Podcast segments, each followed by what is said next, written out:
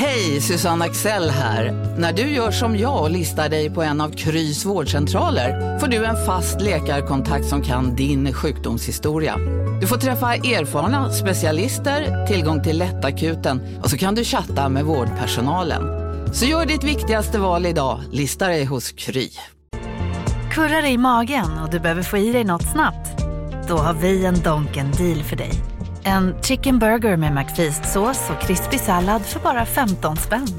Varmt välkommen till McDonalds.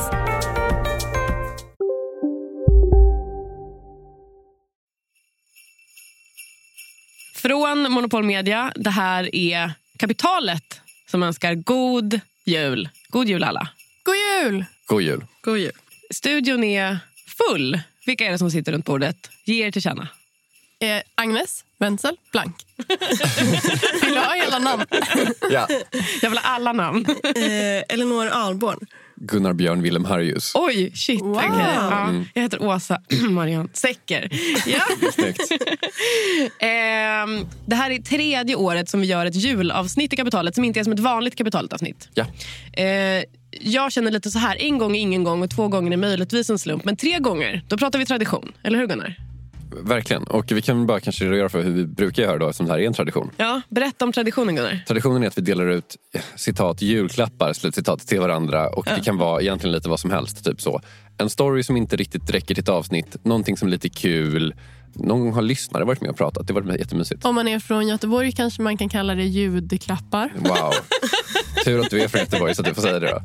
Göteborg has entered the studio. Ja, Underbart. Snyggt. Eh, så att vi ska då traditionsenligt dela ut julklappar, ljudklappar eh, till lyssnarna och varandra. Och eh, först ut i julklappsutdelningen är du Gunnar. Take it away. Tack. Okej, så min julklapp är en liten historia kan man säga. Som på något sätt summerar 2021 fast jag tror att den rent tekniskt sett utspelas 2020.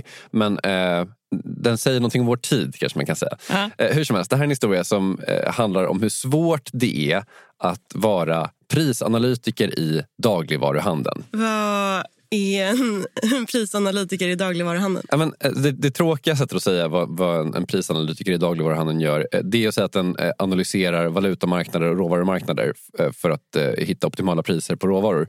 Ehm, det rimliga sättet att beskriva vad den gör är att den försöker hitta bra argument till varför typ ICA ska betala mindre för apelsinjuice än, än vad de gör. Alltså typ så. Det här kostar ju så här mycket, det här kostar så här mycket, alltså borde juice kosta så här mycket. typ. Och den här storyn handlar om kyckling. Så om, om man ska analysera vad en kyckling borde kosta för en stor svensk dagligvaruhandelskedja eh, då kollar man på ett gäng fullt eh, normala saker. Till exempel typ vad kostar kycklingfoder eh, och även vad kostar en daggammal kyckling för en uppfödare. En uppfödare köper liksom en, en en dag gammal kyckling helt enkelt. Cute. Yeah. Ja, Eller brutalt? Nej. Va? Sluta vara så pita. Eh, Hur som helst, i, i slutet av 2020 så fanns det liksom goda argument för prisanalytiker att sänka priset på kycklingen. De hade liksom bra trumf på hand. För att det är nämligen så att eh, priset på raps hade gått ner och då går foderpriserna ner och alltså borde priset på kyckling gå ner.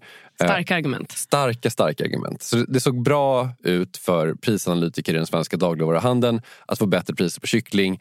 Vilket i sin tur då eventuellt skulle kunna leda till att vi konsumenter också skulle eh, kunna få lite billigare kyckling. Men en dag i november så börjar svenska kycklinguppfödare att ringa till prisanalytiker i hela Sverige och säga att vet ni vad, det här går inte. Vi måste höja priset på kyckling. För eh, det har nämligen hänt en grej och det som har hänt det är det här. Alla djur inom den omfattande danska minkuppfödningen, miljontals djur, ska avlivas för att förhindra mutationer av coronaviruset. Fortsatt minkavel under den pågående epidemin är ett hot mot folkhälsan, säger Mette Fredriksen. Vad har kycklingar med minkar att göra? Så mycket vet jag ändå att det är olika djur och så vidare. Ja, men så här. Eh, om det är någonting som de senaste åren har lärt oss som ekonomijournalister och människor eh, så är det hur extremt liksom, komplext och magiskt uttänkt och samtidigt bräcklig vår eh, ekonomi är. Alltså alla så varuflöden och produkter och saker som når oss de liksom består av tusen och åter tusen saker som vi aldrig, aldrig, aldrig tänker på. Men det här tar nog fan priset på något sätt. För att Så här funkar det då. Slaktrester som blir över när man slaktar kyckling och när man förpackar dem. Det man inte vill äta. Det man inte vill äta. Det liksom typ skickas, det säljs till danska minkfarmar så att minkarna kan äta det. Liksom föda till minkarna helt enkelt. Mm. Och nu har liksom Mette Fredriksen fått någon slags typ så corona-PTSD och bara nu måste vi slänk, släcka alla minkar. Och eh, då fanns det inga minkar kvar som behöver den här kycklingmaten. Är Danmark också det enda landet som haft minkuppfödning i det den här största storleken? landet typ, Ja. Mm. i, i, i Europa. Så alltså, Den marknaden finns inte längre. den marknaden finns inte längre och då kan vi inte sälja det här eh, liksom kycklingavfallet. Så att så här, det finns liksom människor som i tusen år har typ gillat att ha minkpälsar. Det är en del av vår ekonomi. Och, sen så finns det en global pandemi som uppstår av andra delar av vår ekonomi kan man, man argumentera för. Och det här viruset det kan då mutera på just minkar så att danskarna bestämmer sig mot någon slags lag har det visat sig. Det här är ju typ riksrätt på det här just nu. Eh, att man ska avliva alla minkar. Deras livsmedelsminister har varit tvungna att avgå på grund av det här. Det är så Ja. sjukt. Ja. Eh, och det här ledde i sin tur då till att en helt annan marknad, kycklingmarknaden, påverkas negativt och att svenska prisanalytiker i dagligvaruhandeln trots sin fina analys inte kunde få ner priset på kyckling. Och det här säger väl liksom dels någonting om hur komplext allting är men också typ hur optimerat allting är. Alltså typ så att leverantörerna verkligen typ så har ja, men, sett till att det funkar max, liksom, få ut max i alla, alla led för att kunna erbjuda kyckling till det priset som det faktiskt kostar. Då. Blev kycklingen dyrare? Jag köper kyckling så himla sällan. Ja, den blev dyrare av det här. så eh, det var min julklapp. En ögonblicksbild från vår ekonomi och hur komplex den är. Det, det kanske inte är årets julklapp 2021 men, men Årets julklapp från kapitalet. Allt hänger ihop. exakt. Jag gör vad jag kan. Eh, tack så mycket, Gunnar.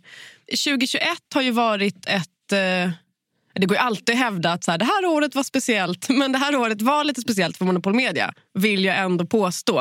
Eh, för vi har blivit med systerpoddar. Eh, de kallar oss Krypto. Gunnar, vad är det? En podd om krypto. En podd om krypto. Eh, ja. eh, noll till hundra. Eh, en, en till systerpodd är en eh, entreprenörspodd där man får höra eh, historien om hur ett företag blev till från början till slut. Eh, vi har också lämnat vårt torp eh, och flyttat in i nya underbara lokaler. Eh, men framför allt, den stora nyheten på Monopol Media det här året är att vi har blivit fler. Och det är underbart. Och två av våra nya begåvningar ska snart få dela ut sina första kapitalet-julklappar efter det här.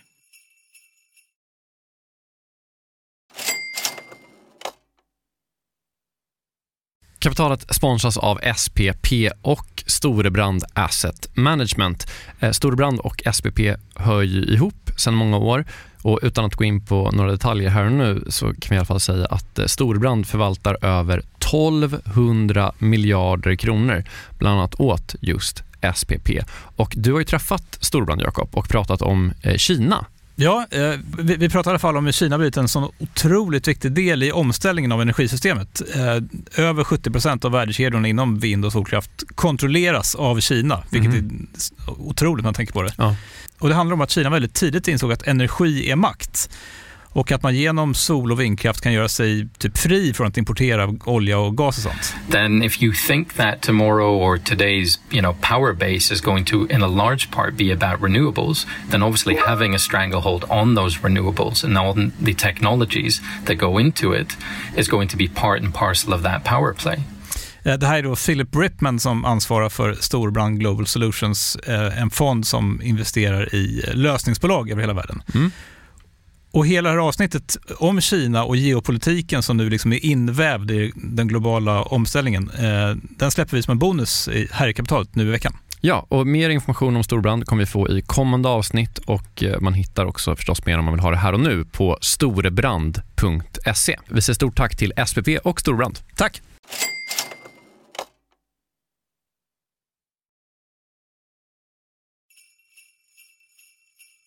Det här är Kapitalets julavsnitt. Vi ägnar oss åt julklappsutdelning. Ljudklappsutdelning.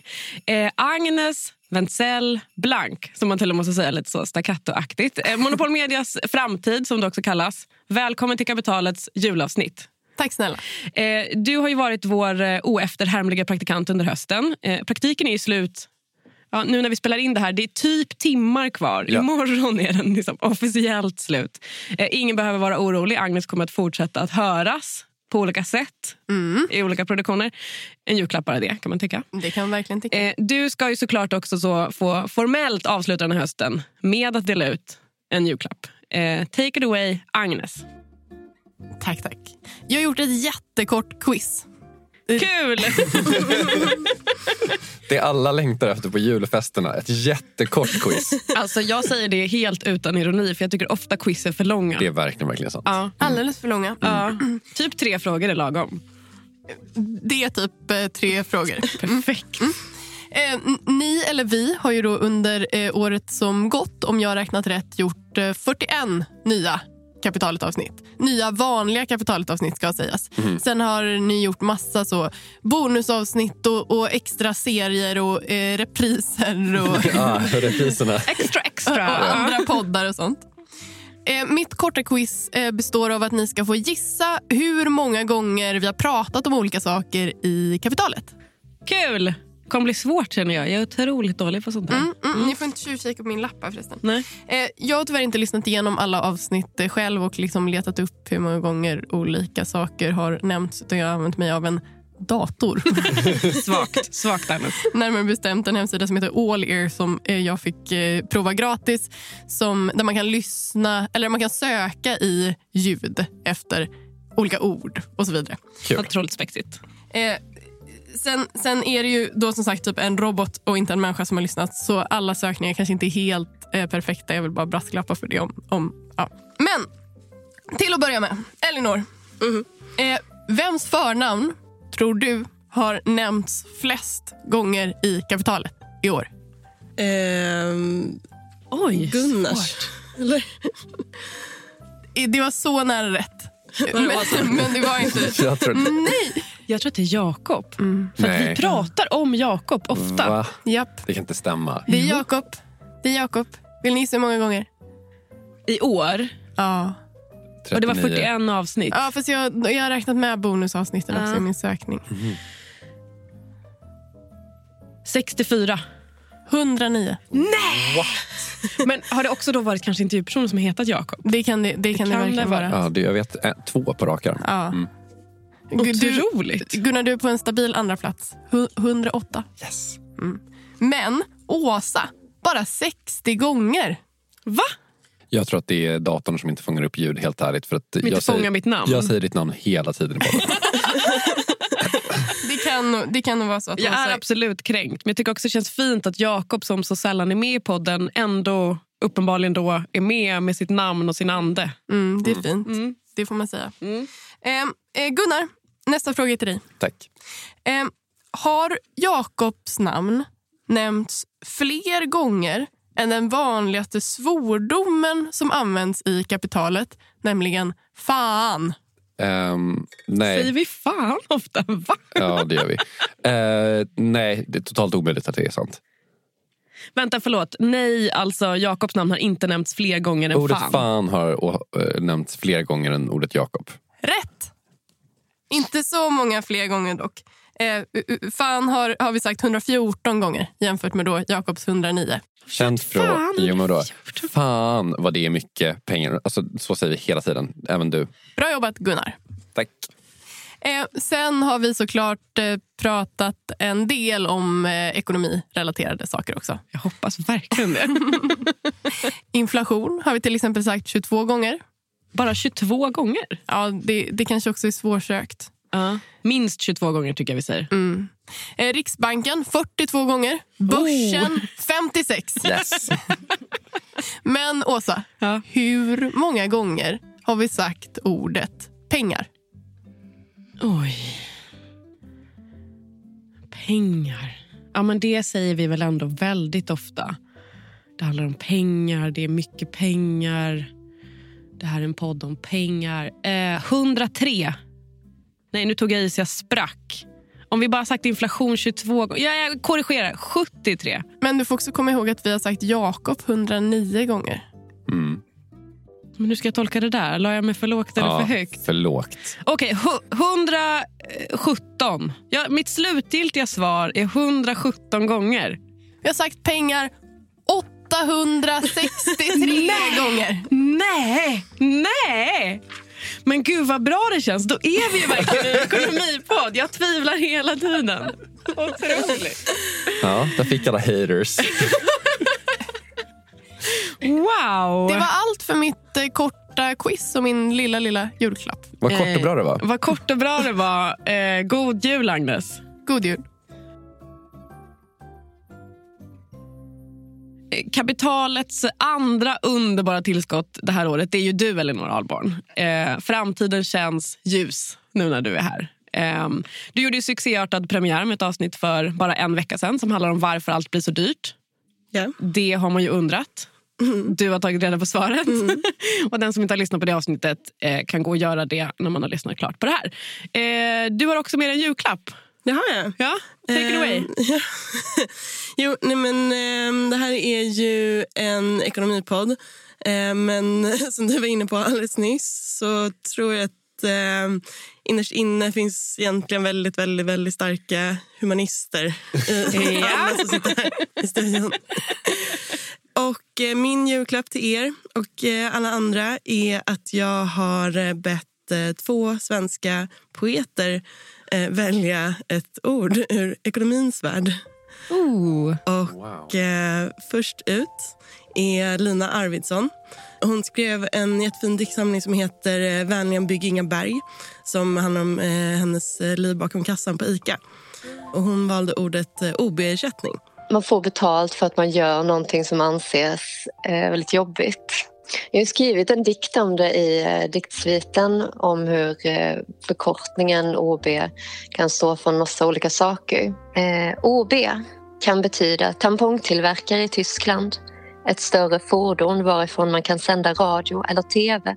Asteroid är asteroidbältet kod för Astrakhan Airlines fotbollsklubb i Danmark eller ekonomiskt tillägg vid obekväma arbetstider. Det är jag. Varannan helg och kanske någon dag i veckan 15 till 21 eller 10 till 18.30 eller 12 till 21 15. OB. Är dubbelt betalt blir dubbelt uttröttande utan att mena det.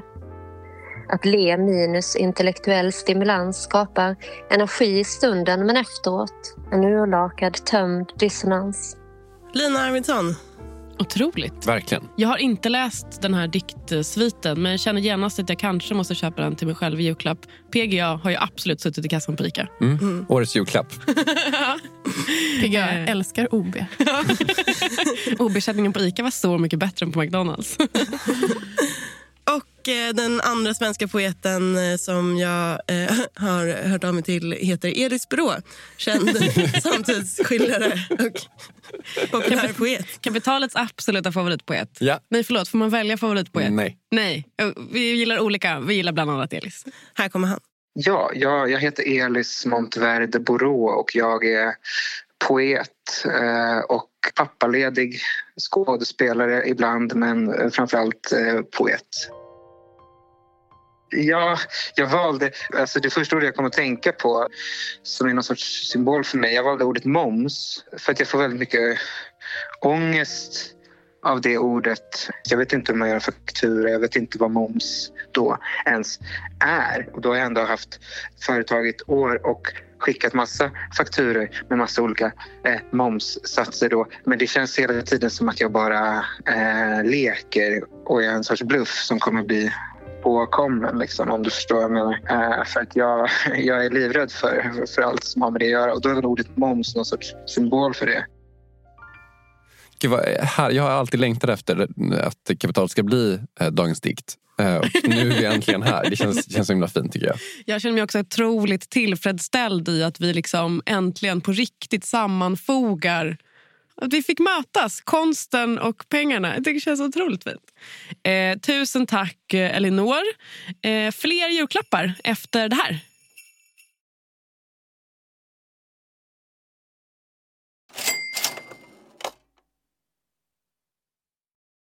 Jakob, vi har ett samarbete med Pareto Business School och det här är jag rejält nyfiken på. För Ja. att eh, så här, vi jobbar ju sida vid sida, bokstavligen, sitter bredvid varandra och då och då så håller du upp ett finger och säger nu måste du vara tyst i en timme för nu ska jag eh, göra något Pareto.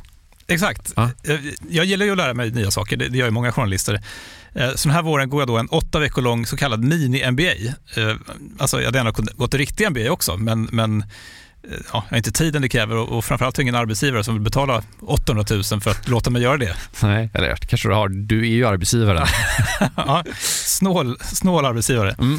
Eh, det- Det är då Jens Bäckbom och Mattias Eklöf, två svenska entreprenörer som har skapat den här utbildningen just eftersom det finns ett gigantiskt hål mellan typ YouTube-filmer och en, en riktig MBA. Ja, och det här är då Pareto. Exakt, Ja. Pareto MBA.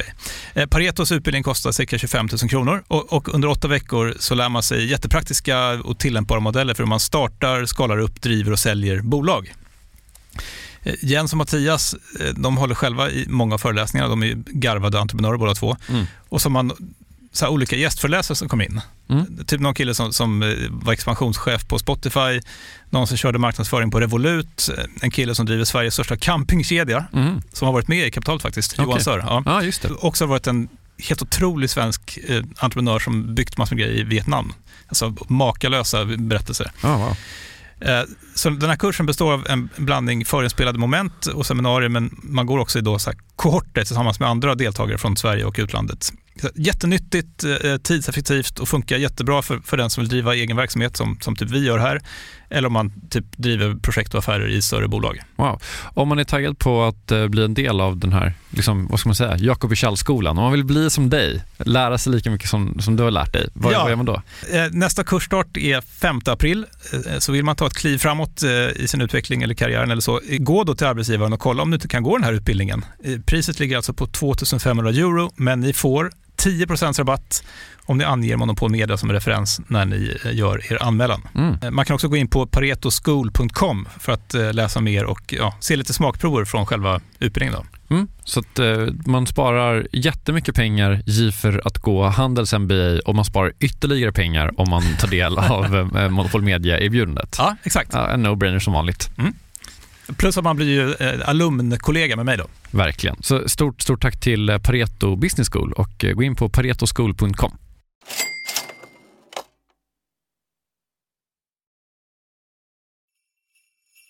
Välkomna tillbaka till Kapitalets julavsnitt. Eh, nu tänkte jag att jag skulle få dela ut en julklapp till er och mysigt. lyssnarna. Nice.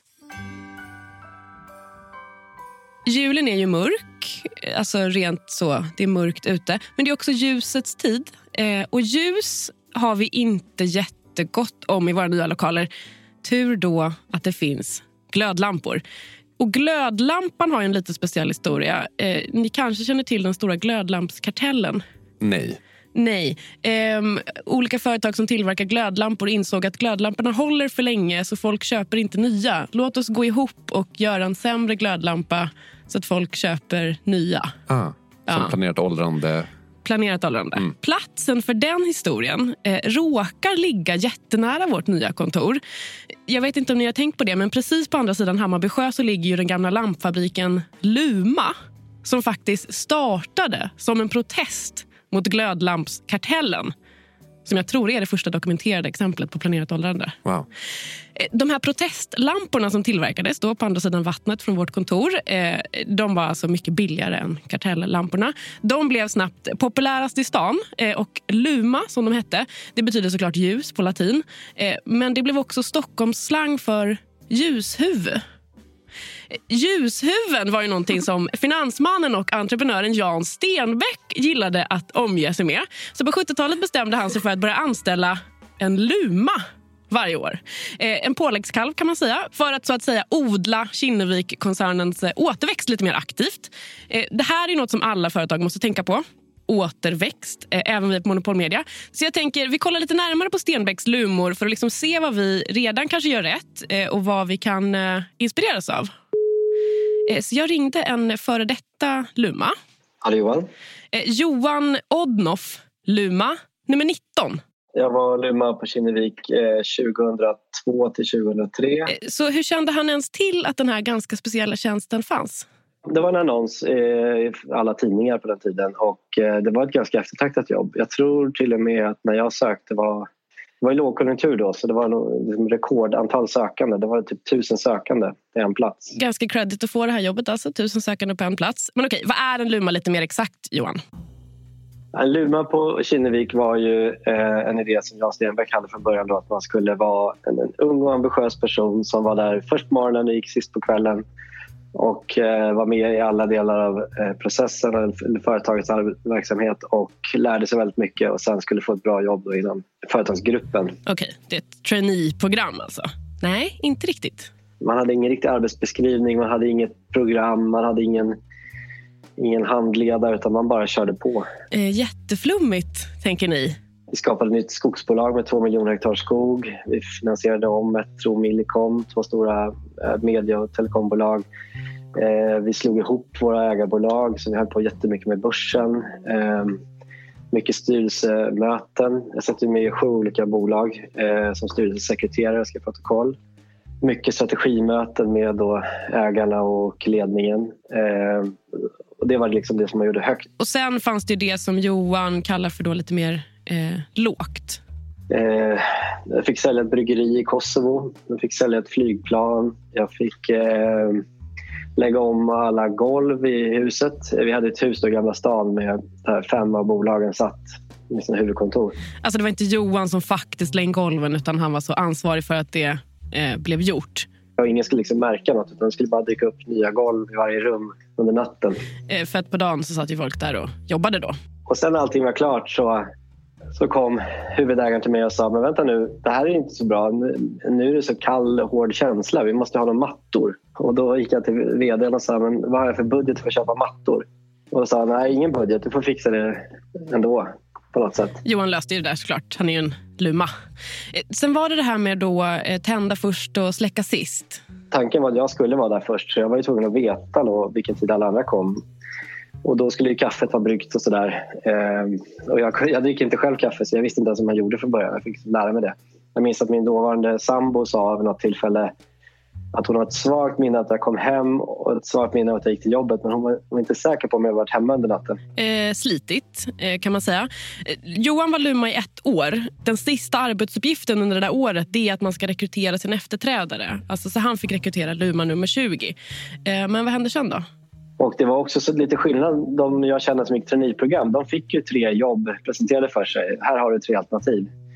Eh, I mitt fall var det mer som att, eh, vad, vad har du tänkt? Vad ska du göra? Liksom, jag fick ju fixa ett jobb själv. Johan lyckades med det också såklart. Han var kvar fyra år inom Kinnevik-koncernen eh, men nu jobbar han på ett annat bolag.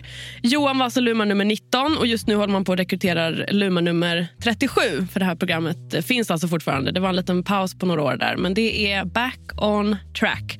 Och det enda man undrar är ju då Finns det en hemlig så alumniklubb med alla lumor? Mm, nej, inte riktigt. Vi har ju en del kontakt, men inte, inte så jättemycket. Vi hade ju en, en, en Luma-middag varje år, men det har varit ont om det på sistone. Eh, väldigt tråkigt. Han får styra upp det där. Tack Johan Odnoff som berättade allt detta. Eh, nu till varför vi pratar om det här kapitalet. Vi har ju inga lumor, eh, men vi har ju en underbar praktikant. Alltså du, Agnes. Eh, det finns ju likheter här med Lumorna. Väldigt varierande arbetsuppgifter till exempel. Just det. Eh, göra radio men också bygga studio. Eh, till exempel. En perfekt kombination. en perfekt kombination. Eh, det finns inga som helst krav på att komma först och gå sist. Nej, det är skönt. Det är skönt. Men så här, praktik är lära. Jag tänker att det här är ett utmärkt tillfälle för oss att liksom instifta vår egen gör vad du vill-tjänst för att vi ska känna oss trygga med att vi säkrar återväxten på Monopol Media. Oj. Eh, våra ljushuvuden kan inte heta lumor. Så mycket copycats får vi ju inte vara. Nej. Eh, jag tänker att våra lumor ska heta eh, Maggis. Varför då? Efter Erik Wallins hund? Nej, inte efter Erik Wallins hund utan efter Elizabeth Maggie som uppfann brädspelet Monopol. Eh, fast det hette då The Landlords Game när wow. hon tog fram det. Geni. Jag är öppen för förslag här, men det här är mitt jättebra. förslag. Ja. Eh, och så här, Agnes, du blir först ut då eftersom att du är vår nuvarande praktikant. Eh, härmed eh, så utnämner jag dig till Maggie nummer ett. Wow. Och då tänker jag att eh, när vi ska rekrytera vår nästa praktikant slash Maggie, då får du styra upp det. du får nämligen rekrytera din efterträdare. Och sen kanske viktigast av allt, när det finns mer än en Maggie, eh, då är det din uppgift att styra upp ett framtida Maggie-nätverk. Wow. Ska det sägas också att om vill man bli nästa Maggie så kan man mejla då agnes.monopolmedia.se. Ja. Ja? Ja. Toppen. Ser fram emot att läsa den. Eh, eh, antar du uppgiften, Agnes? Ja, självklart. Ja. Vilken ära. Toppen. Eh, god jul. God jul. Nu är det dags för vår sista julklapp och då måste vi faktiskt ropa in Jakob i studion. Eh, vars namn vi älskar att nämna. Jakob! ja. Här. Välkommen in i studion, Jakob Bursell. Tack. Sist men inte minst här då i vårt julavsnitt så ska vi ju få en julklapp eh, av dig. Minnesgoda lyssnare vet att Jakobs julklapp förra året var riktigt svårslagen. Gå tillbaka och lyssna på avsnitt 196 om ni inte har hört. Ehm, ja, jag bara lämnar över till dig Jakob. Take it away. Och- Och så får vi lite så här jul, så här smooth juljazz. Absolut, Ja. jag ordnar det. K- kanske ljudet av någonting som rinner ner i ett glas. Ja, okej. Ja. Så har det hänt, det som ej kunde hända. Att ännu ett år har kommit till ända. I vått och i torrt, i vitt, grönt och grått har tolv nya månader gått. Det började bistert på Brunkebergstorg eh, där Stefan von Ingves har uppfört sin borg. Här kämpade dansken mot Sturarnas ett. Det var 1471. Drygt 500 år har just nu passerat sedan dansken fick pisk och sitt mantal halverat. Men ännu är torget föremål för en annan slags dust, eh, men där ingen dör. För efter ett år med en pandemi, vi hade ett problem med vår ekonomi. Det var långt bortom all rim och reson. Var i helaste friden var vår inflation? Var den på Prinsen och käkade lunch med ärtsoppa, pannkakor och isande punsch? Eller hade den tagit in på hotell, bortjagad av självaste Anders Tegnell? Nej, eh, coronan det blev för världslogistiken det alkohol innebär för motoriken. Det tog bara stopp och sen fick vi vänta en väntan som växte med ränta på ränta. Men misströsta inte, sa Ingves torrt i fjolårets första penningrapport. Resursutnyttjandet det må vara dåligt, men svensk ekonomi den är väldigt tålig. Tids nog är vår kära kompis tillbaka med högre priser på både kaffe och kaka. Till dess vi är trogna vår gamla idé. För Friedrich von Hayek, han är så passé. Vi fortsätter trycka pengar för fullt. Det blir för vår tillväxt som en katapult. Runt 700 yard och, och sen blir det mera när vi våra skulder eh, monetiserar. Och börsen gick upp som ett skott i natten och fastighetsmarknaden fästa på slatten. När vaccinationerna sen kom till skott, en fest bröt ut i koja och slott. Från hemarbetets soffor och sängar, vi satsade allt på digitala pengar. Fiat är ute, det tåget har gått. Nu köper vi Dogecoin, ETH och Polkadot. Sen blev det höst och som ett brev på posten kom vintern hit i sällskap av frosten. Och så stod vi där i brist på fission och bråkade friskt om vår elproduktion. Men munter var minen på Brunkebergstorg för från Haparanda och till Trelleborg man började skymta en massa notiser om elmarknadens astronomiska priser. Och tänk, det var trevligt för vår direktion för nu fick vi se lite inflation. Den högsta takten sen tredje kvartalet, ja faktiskt ända sedan 90-talet. Tyvärr så blev glädjen inte så lång. För nu till vår allas stora förfång. En snuva dök upp. Det var omikron. Ett virus som spreds över telefon. Det var en olycklig inflektion som knappast inbjuder till inflation.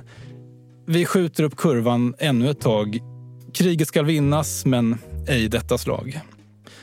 Så nu när året snart tagit slut, på nytt det var dags för ett räntebeslut. Och då lägger vi nog till vårt protokoll att räntor, de trivas bäst på noll. Så stundar en jul med spritade händer och brunkolsel från främmande länder. Till direktionen, till kojor och vrår.